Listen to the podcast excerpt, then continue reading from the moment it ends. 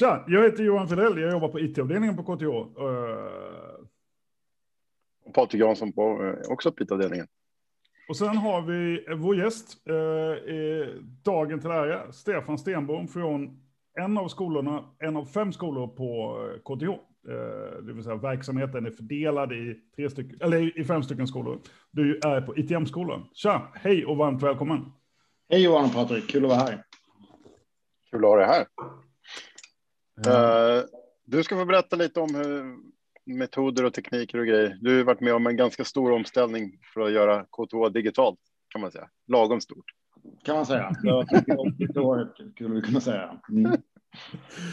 um, du är också en av de där glada kollegorna som har gett oss liksom lite positiva tillrop när du sett att vi poddar. Bara, ja, men skönt. För det, egentligen kan man säga så här att vi har ju snott det här från dig och ditt gäng från början, för ni kör ju en aktivitet. Säg inte sånt där. Nej, det jag vet. Men nu, är, nu har när, the cat is out of the box. Nej, men ni har ju ett, ett eh, seminarieformat som heter Lunch and Learn, där ni regelbundet eh, ställer någon som har några idéer, tankar, perspektiv, eh, och så kör ni liksom väl, jag ska inte säga att det är väldigt informellt, men ganska liksom så här, ja, men en bekväm lunchaktivitet som ni kör för mestadels fakultet, men även en hel del TA-personal är ju där. Um. Nej, men så är det ju. Sen, sen, kan det ju vara så att vi i våran tur har snott den någon annanstans ifrån. Så skulle det ju kunna vara också. Ja. Eh, ja, eh, men det är ju det som är det fina med forskning, att eh, liksom, vi bygger vidare på andras eh, erfarenheter. Och, eh, eh, så att Nej, men vi kan väl säga så här, när vår chef, så här, skulle inte vi kunna liksom hitta någon form för att nå ut? Så, alltså man nämner ju Lunch and Learn som ett, liksom ett format. Eh, som, ska jag säga, ändå på något sätt inte är, det, det, är inte superkrävande av organisationer, utan ja, men visst det är en administration, men det, det handlar framför allt om att liksom, vi försöker få till ett samtal. Eh, så vi gjorde väl en liten en, en liten light-version av det när vi kör det här då. Så det här är liksom eh, coffee and learn, coffee and talk. Fast ni gör ju någonting helt annat som jag tycker är väldigt spännande, men, men på ett annat sätt. För att vi använder ju fortfarande det klassiska akademiska formatet med liksom 20 minuter, 30 minuter, 40 minuter föreläsning och sen en frågestund. Medan det här blir mer, jag ska ärligt säga att jag, jag känner mig lite orolig eller ja, men på gränsen till nervös för att, för att det här är ett format som jag inte riktigt liksom som sitta och snacka med folk. Det är man ju van vid, men kanske inte liksom på det här sättet. Så att det, jag, jag tycker att ni har fått en väldigt spännande take på det här med liksom det här. Um, att blanda babbel med, med liksom ändå ett, eh, ett tydligt syfte. Liksom. Kul att höra. Men oh. till det viktiga då, har du med dig en kopp kaffe? Jajamensan, såklart jag har. jag måste bara visa min kaffekopp som jag hittade. Man vet att man jobbar på ett uh, tekniskt universitet när man hittar en kaffekopp med mm. det periodiska systemet printat på. Mm. Ja, det... Och man undrar liksom när uh, dubium, vad det är för ja. siffror, då vet man det. Eller liksom francium, vad händer om man slänger en klump francium i havet? Ja, det blir, blir dåligt. Uh, om man nu får tag på en klump francium, vilket teoretiskt. Man ska vara snäll mot naturen. Man ska inte slänga saker i naturen. Ah, absolut inte. Eh, framförallt ska vi inte göra vätgas av hela Atlanten. Ja, men eh, det är inte därför vi är här. Eh, vi är superglada att eh, du tog dig tid, Stefan. Vi vet du har ju haft rätt busy sen i mars. Men om vi börjar i någon ände, kan du inte berätta lite kort om vem är du? Liksom? Jag har ju haft förmånen att vara kollega med dig och vi är kollegor nu, men vi har ju jobbat ihop. Men, men bara lite kort, liksom, vad, hur landade du på KTH? Vad gör du här? Eh, jag landade på KTH för att KTH hade 2002 startat, startade man en helt ny civilingenjörsutbildning när man blev både civilingenjör och lärare. Eh, så att den, den vägen kom jag in. Programmet var helt nytt och jag satt hemma i pojkrummet i Småland och hade fått liksom lite reklam för det där och ändrade från att jag skulle ha gått teknisk fysik i Lund till att istället eh, hoppade in på det där. Då. Ehm, och fem år senare när det var dags för exjobb, då, då hade ju då hade ju precis man börjat med iPhones och man hade annonserat att, eh, att paddor skulle släppas. Alltså det började röra sig. Det började finnas liksom tekniska förutsättningar för att kunna bedriva digital utbildning på ett vettigt sätt. Så det var egentligen då jag började bli intresserad. Så jag skrev mitt exjobb om gymnasielärares eh, digitala kompetens. Vi gjorde sådana här spännande grejer som var väldigt framåtriktade då, att vi skickade sms till studenterna och sånt där som var jättespännande på den tiden.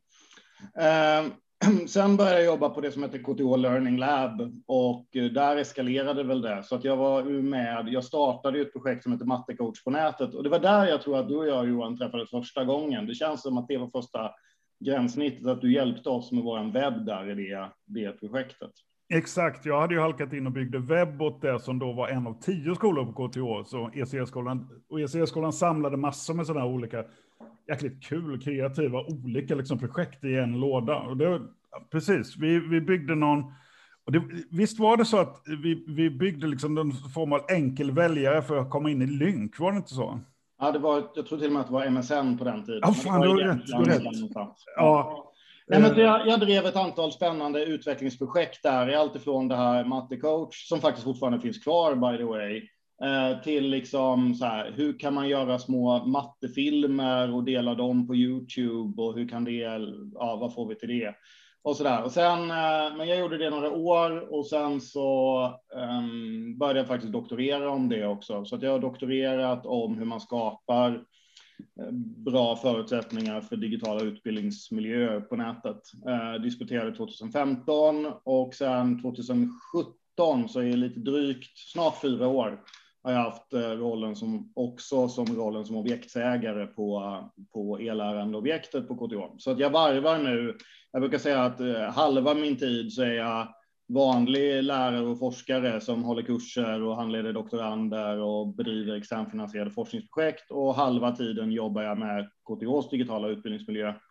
Jag kan säga att det, det har väl kanske inte blivit 50 2 50 procent tjänster det senaste året utan kanske snarare ja, lite mer. Mm.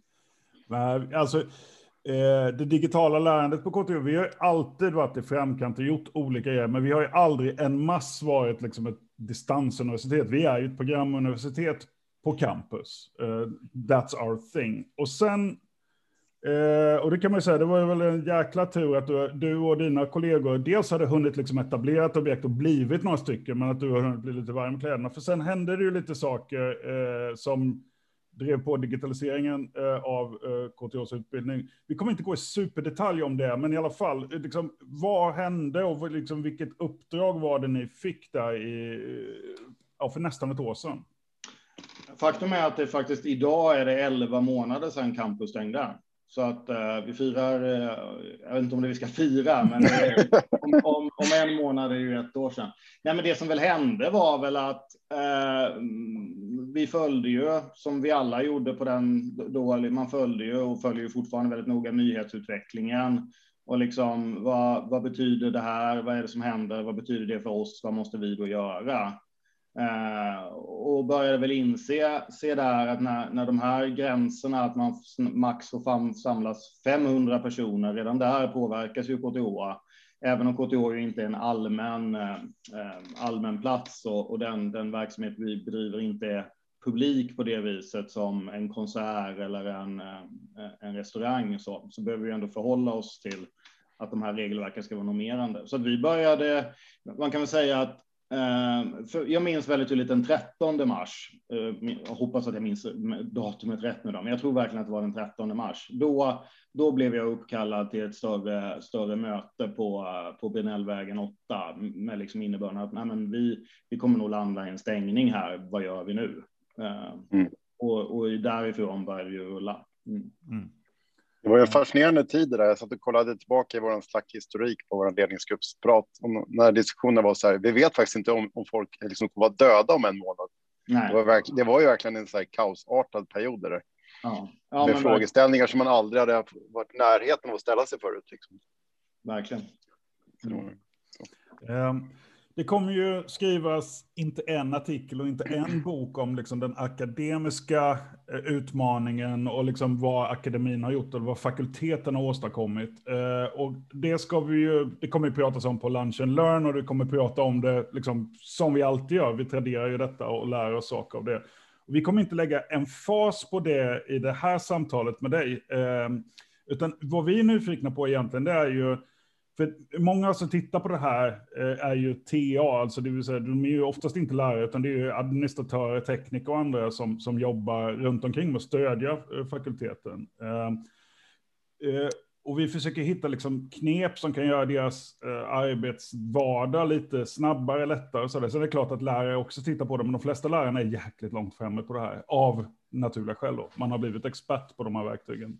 Men ni är ju team, eller liksom, ni, ni satte ju samman ett antal team egentligen som gjorde det här arbetet. Hur tusan jobbade ni? Liksom, vilka verktyg använde ni? Vilka metoder använde ni för att få det här liksom, att, att fungera från en dag till nästa egentligen?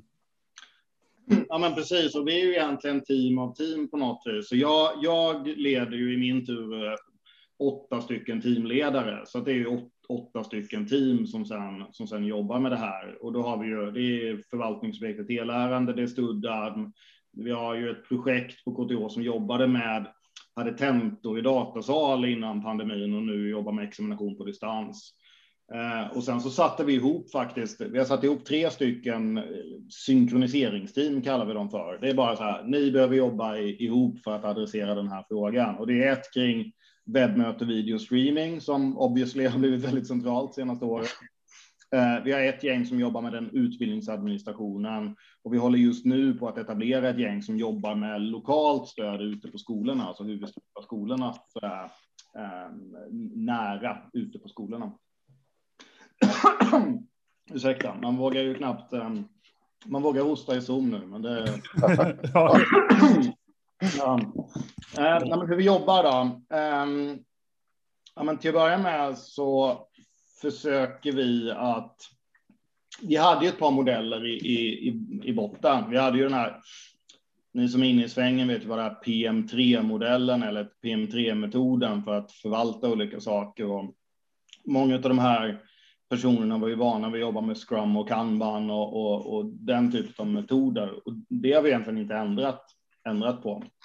Utan det, det vi egentligen, det vi gör i praktiken för att få snurr på den här verksamheten, det är att vi träffas med en viss frekvens där vi helt enkelt berättar för varandra hur mår eh, KTHs system? Hur mår vår support? Hur, hur mår läget?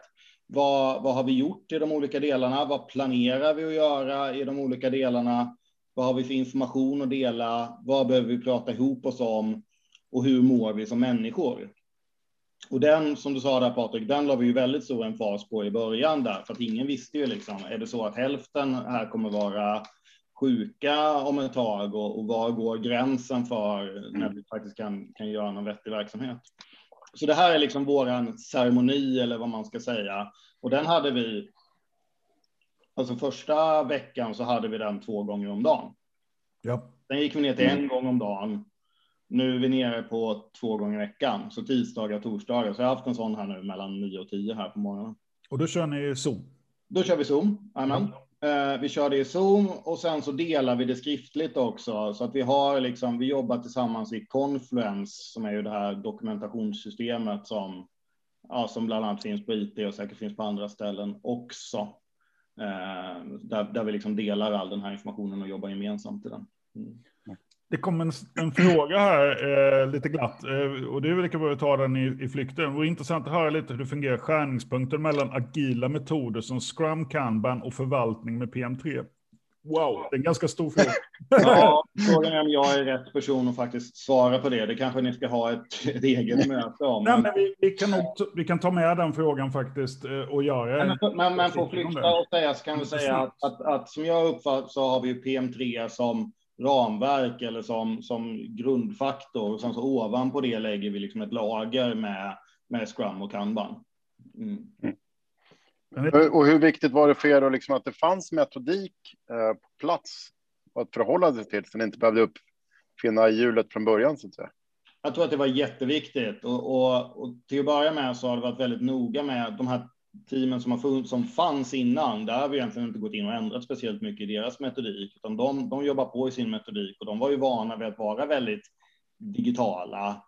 Alltså, ehm, um, elärendeobjektet har ju kört liksom Trello-tavlor sedan eh, i, i, fem år i alla fall, skulle jag väl vilja påstå. Jag vet inte hur länge Trello har funnits, men där någonstans. Och, och Studdan kör ju, kör ju liknande, liksom. så, så att det har ju funnits en sån den metodiken.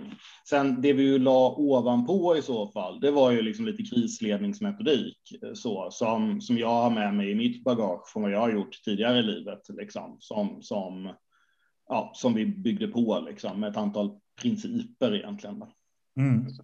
För jag läste på internetet kring din intervju där som de hade gjort med dig eh, kring prioritering som jag gissar var en väldigt svår och komplex fråga när när allting blir samma, eller liksom, allting kommer på en gång så är prioritering så otroligt viktig. Mm. Så hur, hur har ni jobbat med prioritering mellan alla saker som kommer på en gång som har varit gigantiskt stora frågor i sig? Um, vi satte en grundprincip för prioritering uh, som, som, och som fortfarande gäller. Vi har, vi har utvecklat den och tweakat den lite grann, men i grunden gäller den ju fortfarande och det är den här hur kan vi skapa så bra nytta som möjligt med de resurser vi har för så många som möjligt? Det är liksom det som är grunden. Och du lyfter något väldigt viktigt där Patrik och det handlar inte så mycket om att säga vad som är viktigt utan för mig handlar prioritering om att säga vad som inte är viktigt.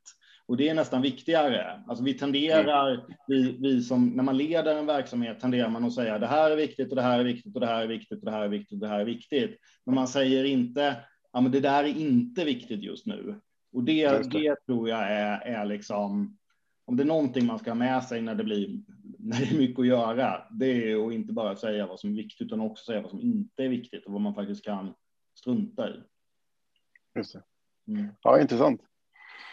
Um, har ni, eh, nu kommer också en fråga här, kör ni någon sorts impact mapping? Då måste någon nästan förklara vad impact mapping är. Ja, jag är inte heller säker på vad det är. Jag, jag, jag gissar att det har att göra med liksom, eh, vad är det mest bang for the buck. Men, eh, men, ja, eh, ungefär så. Men vi kan se det som en sån sak. Det är en, en term inom agil. Ja, men det är bra. Uh, under de här principerna för prioritering så, så har vi de konkretiserade där vi listar liksom vad är viktigt just nu och vad är inte viktigt just nu. Så vi mm. har ett antal sådana aktiviteter liksom kring, kring vad som är vad som är viktigt just nu och vad som inte är viktigt just nu. Ja, du har ju nämnt en del verktyg. Eh, Zoom, eh, Trello, Trello mm. Kanban, eh, kort som man flyttar för de som inte vet det. Det finns, finns många varianter och de flesta av de här systemen finns liksom olika flavors. Liksom. Men, men Trello är ju, liksom, det är ett av de här som kom tidigt eh, och som är väldigt populärt, används mycket, men vi, vi har inte idag någon jättebra förvaltning av Trello. Men det är en sån här sak vi tittar på. Vi vill ju veta vad som faktiskt funkar och vad som uppskattas och vad som är bra. och sen ska vi anpassa utbudet efter det. Eh, har du något annat som ni också har kört? Slack, jag vet inte, nämnde du Slack? Nej, det gjorde jag inte, men själv, alltså, vi jobbar ju i hela, det, det är nästan som att säga till någon, höll jag på, alltså det är, hur, hur kommunicerar du när du kommunicerar fysiskt, hur kommunicerar när du kommunicerar virtuellt?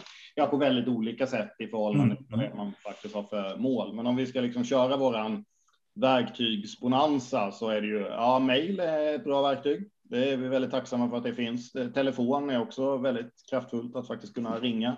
Superbra. Vi kör ju, vi kör ju eh, naturligtvis eh, Zoom internt på väldigt många olika sätt. Det är vårt huvudsätt för synkron synkron kommunikation på distans. Vi kör Slack um, och där har vi allt det här byggts organiskt, liksom, men vi har ju olika. Vi har ju liksom en kanalflora där vi har allt ifrån core-teamen, alltså vi sju som jobbar heltid tillsammans i våra team, eh, som kan vara någon kanal och så kan det vara någon kanal som är de här sju, men också lite hangaround löst folk som som jag som kanske vill vill liksom motsvarande korridorslyssnandet. Vad är det typ mm. som händer där borta? Till liksom de här väldigt inkluderande kanalerna. Vi har ju, vi har ju en kanal i Slack som heter elärande shared tror jag. Nu måste jag nästan kolla vad den hette bara för det. Eh, shared elärande alla och det signalerar väl ganska tydligt vad den är. Där, där, liksom, där ligger alla människor som på något vis har att göra med KTHs digitalisering och det är framförallt den kanalen som vi pumpar i under tentaperioderna och de, framförallt de första tentaperioderna när vi liksom här, vad är det här för någonting? Vad, vad är det som kommer hända nu och hur, hur, hur fäktar vi det här? Då var ju det väldigt, väldigt kraftfullt. Mm. Men sen kör vi ju som jag sa, eh, Trello, kör vi mycket Confluence, kör vi mycket, framförallt de här samskrivningsgrejerna i Confluence tycker jag är väldigt bra. Då kan man ha det som eh, dokumentationssystem i möten och eh, Johan skriver sina saker och Patrik sina och Stefan sina samtidigt som vi pratar. Liksom. Mm. Box självklart. Eh, vi gör ju mycket retro, retron också. Det är en, en viktig grej för oss. Alltså vi sätter oss ner och så här. Hur, hur eh, den här tidsperioden som vi har bakom oss, vad har funkat bra, vad har inte funkat bra och vad behöver vi ändra på? Och där har vi experimenterat lite grann med, med Miro som är ett sånt här digitalt whiteboardverktyg. Vi har experimenterat med Lucid Spark eh, och så här. Så vi, ja, vi, vi är, man tar det som finns helt enkelt. Mm. Vad är det som har förvånat dig mest att, liksom, ur ett positivt perspektiv att digitalisera utbildningen? Jag tänker bara på att jag har varit med under herrans massa år. Man har pratat om att det var helt omöjligt att låsa ner och köra digitala tentor var ju gigantiskt jobb. Det, som fick du typ en vecka på dig att lösa det. Vad är det som har förvånat dig mest positivt? Nej, men eh, eh, det finns ju sådana här psykologiska principer om det här med att det är ju få saker som får folk att jobba tillsammans och bra som att ha ett yttre hot. Det är sån här mottagning och sånt handlar ju en, eh, en del om det till exempel. Ehm, um, ja, vi var ju tvungna så enkelt var det ju. Eh, den, den 18 mars eh, stängde campus och tre veckor senare var det omtentaperiod. 6 000 tentander skulle skriva sina tentor. Ja, det var caset. Vad gör vi nu? Och, och när man har ett sånt case eh, och, och, liksom no is not an option, då upplevde jag att vi öppnade upp väldigt mycket Pandoras ask. Att liksom alla bjöd verkligen till, alla gjorde det där lilla extra. Um, så. Sen så finns det naturligtvis, vi har en restlista som är gigantisk med massor med saker som vi bara, det här är inte viktigt just nu, det, det får vi ta sen. Liksom. Eh, men jag upplever verkligen den, jag upplever verkligen att ehm, att alla har bjudit till och försökt liksom bidra så bra de kan utifrån sin respektive expertis. Mm. Hur mycket tror vi har kvar av det här om tre år? hur mycket och här är frågan vad jag tror och vad jag vill. Eh, du får, du, det, det, är en kaffepodd, så du får välja vilken fråga du vill i det. Nej, men precis. Um, någon gång har jag ju sagt, och det ska man ju inte säga i publika sammanhang, och det här kommer ju hamna på Youtube, så jag vet inte om jag vågar säga det här, men hade jag vetat att det hade räckt med ett litet virus för att få världen att förstå potentialen i digital utbildning, då hade man ju snackat med biologerna för länge sedan. Men, men, jag, men, men skämt åsido, eh, på mm, om vi säger vad jag, vad jag skulle vilja, så skulle jag vilja att, att, eh, att KTH när allt det här är över eh, har ett moget förhållningssätt till att använda det fysiska rummet till det det är bra på och det digitala rummet till det det är bra på. Och att det liksom nästan blir, det blir någon slags grundinfrastruktur som vad ska jag säga, elström då. Jag vet inte om ni har reflekterat över att det finns elström hemma hos er. Eh, nej, kanske inte, för det tar man för givet, liksom, utan det är hur man kan använda den som blir det intressanta. Att, mm. att, att vi någonstans landar i ett sådant läge. Och då tror ju jag att, att um, i, vi producerar ingenjörer, arkitekter och lärare och det är ju yrkeskategorier som behöver ha en teoretisk kunskap, man behöver ha ett teoretiskt förhållningssätt, men också någon, en praktisk kunskap som sitter i händerna på något vis, sitter i, sitter i kroppen, eh, mm. där de praktiska delarna behövs. Och, eh, och det är svårt att lära sig att svetsa på Zoom till exempel. Och är man, är man civilingenjör med inriktning mot det, då behöver man kunna de sakerna. Så, att, så det tror jag att vi kommer använda den fysiska miljön till tror, hoppas. Eh, så. KTH har ju formulerat i sin, kommer ni ihåg den här vision 2027? Den har ju ganska många år på nacken nu. Jag vet inte när den kom. Eh, ja. Ja, tio år sedan kanske. Ja, den är gammal. Ja, men i den så, eh, 2012 skriver någon i chatten här. Mm. Jättebra, tack så mycket. Och i den vision 2027, där står det ju att det fysiska och det virtuella campuset, för det var den begreppsflora man använder sig av då, ska vara lika mm. framstående 2027. Eh, och det, det, det, tycker jag låter som en ganska sympatisk take på det, liksom, att det ska vara likvärdigt. Mm. Mm. Då har vi jobbat på. Ja, vi har, vi har en, en bit kvar, men Jag tror att någon har sagt, någon som jag känner har sagt att eh, vi får lägga in i budgeten för 2026 att köpa bulldozrar eller hyra bulldozrar för att börja riva vårt fina fysiska campus så att de ska bli likvärdiga. Men, eh, eller hur Johan? Visst har du sagt det låter, låter som en galen människa. usch, usch. Väldigt pragmatisk lösning. För att säga. Ja, jo, men det är så fan, visioner till för att uppfyllas. Men jag tror att vi har tagit rejäla kliv. Ja, men det är ju liksom lite det jag tror också, att hade någon frågat mig för ett år sedan, då hade jag väl kanske sagt nej, inte 2027, det är inte rimligt. Men nu tror jag det. Mm.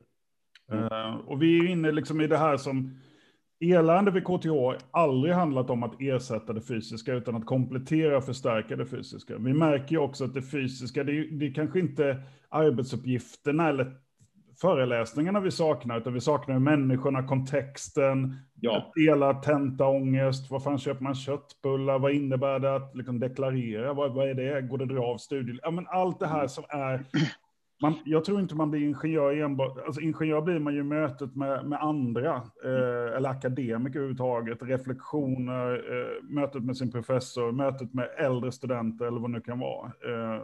Vi har ju gjort en serie enkäter här nu för att följa den, den här perioden. Jag tror att vi är uppe i har vi gjort tre stycken enkäter och ligger någonstans på totalt 6 000 svar just nu bland KTHs lärare och studenter då, hur de upplever den här, den här perioden i livet. Och det man skriver fram att man saknar är egentligen inte eh, egentligen inte förelä den fysiska föreläsningen eller den fysiska övningen, utan det är, är liksom att man hänger med kompisarna före, kan ställa någon fråga till läraren eller diskutera någonting på pausen och få den där lunchen, att stå i liksom lunchkön, mikrokön i sektionslokalen på lunchen och, och prata och diskutera och utveckla personliga relationer. Mm. Det är det man saknar. Man ska inte glömma det heller att en, en aspekt som många har med sig, det är ju att man, de här relationerna man bygger med människor, det är ett nätverk man har med sig hela karriären. Mm. Eh, och, och det, det, är så lätt att glömma allt det här som inte är det är lätt att digitalisera det uppenbara och det digitiserar vi lätt. Vi försöker göra det exakt likadant. Fast eh, den stora utmaningen ligger liksom hur, hur förändrar vi, förbättrar vi hela, eh, hela utbildningsområdet tillsammans. Så där, då behöver vi verktyg och de har vi nog lärt oss. Sen är nog den stora resan ligger framför oss sen. Det är ju som du säger, liksom mix, mix and match. Liksom. Vad passar? Eh, och sen är det ju olika lärare, olika studenter, olika ämnen har olika preferenser. Och just, men just att vi får en, en bredare palett som alla delar, är ju, bara det är ju ett fantastiskt steg framåt. Och där är det ju lätt att vi fastnar i vad är möjligt att göra? Alltså när vi pratar om 2027 eller liksom långt framåt i tiden och hur ser det ut då så refererar man utifrån de verktyg och principer och tekniker som finns här och nu.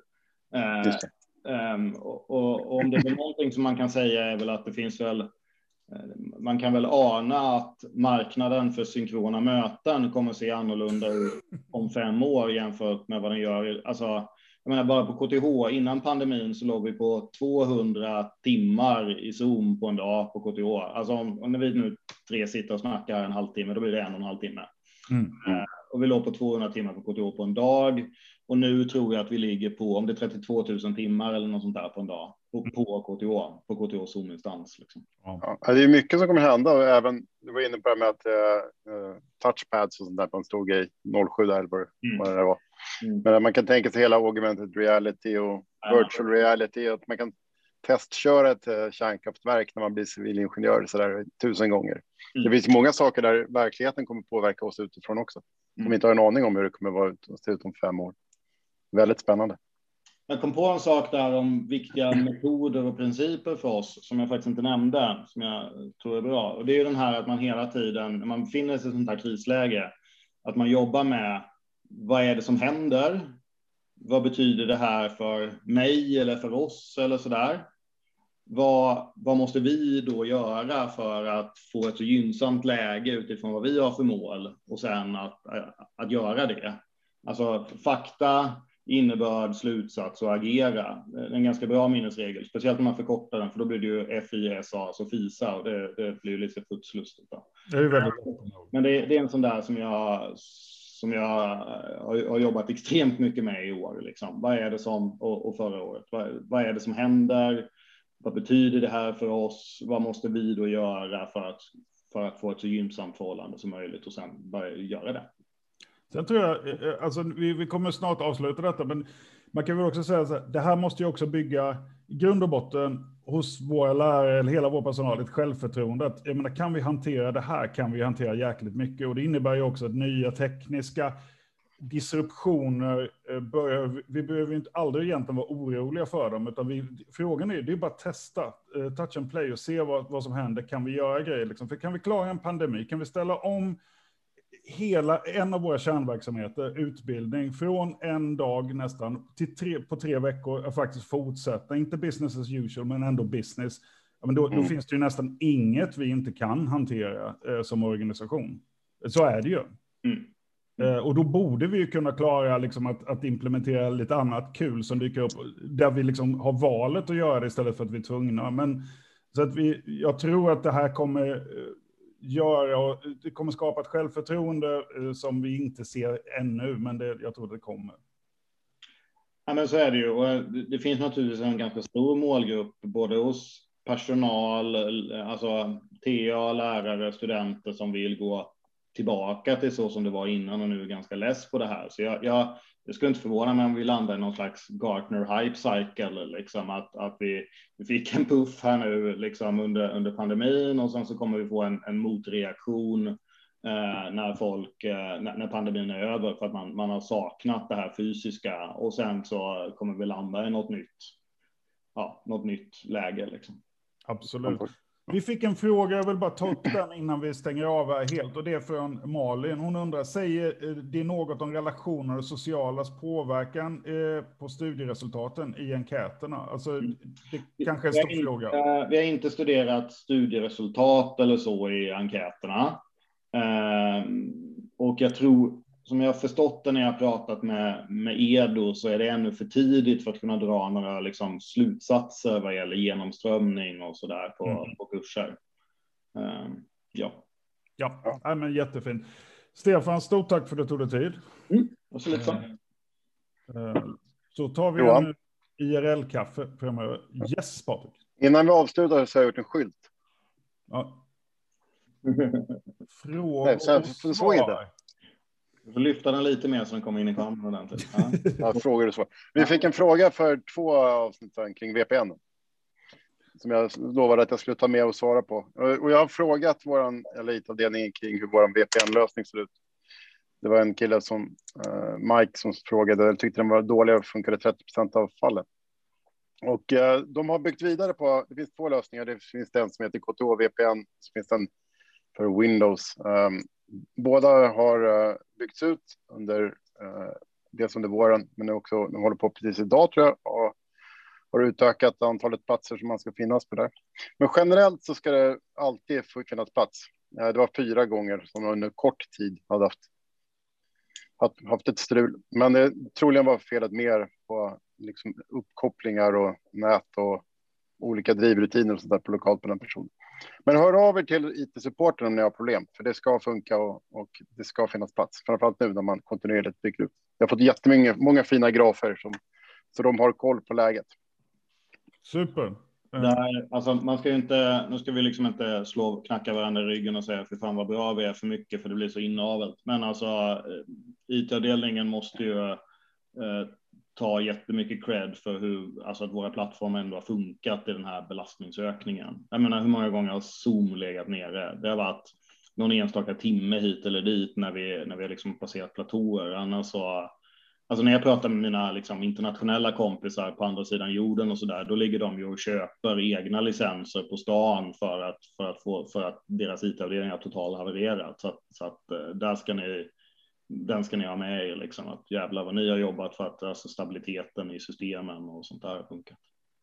Det är grymt kul att höra. Eh, det är inte jag och Patrik som ska cred för det, utan det är våra kollegor. Eh, men eh, det, är, det är förbaskat kul.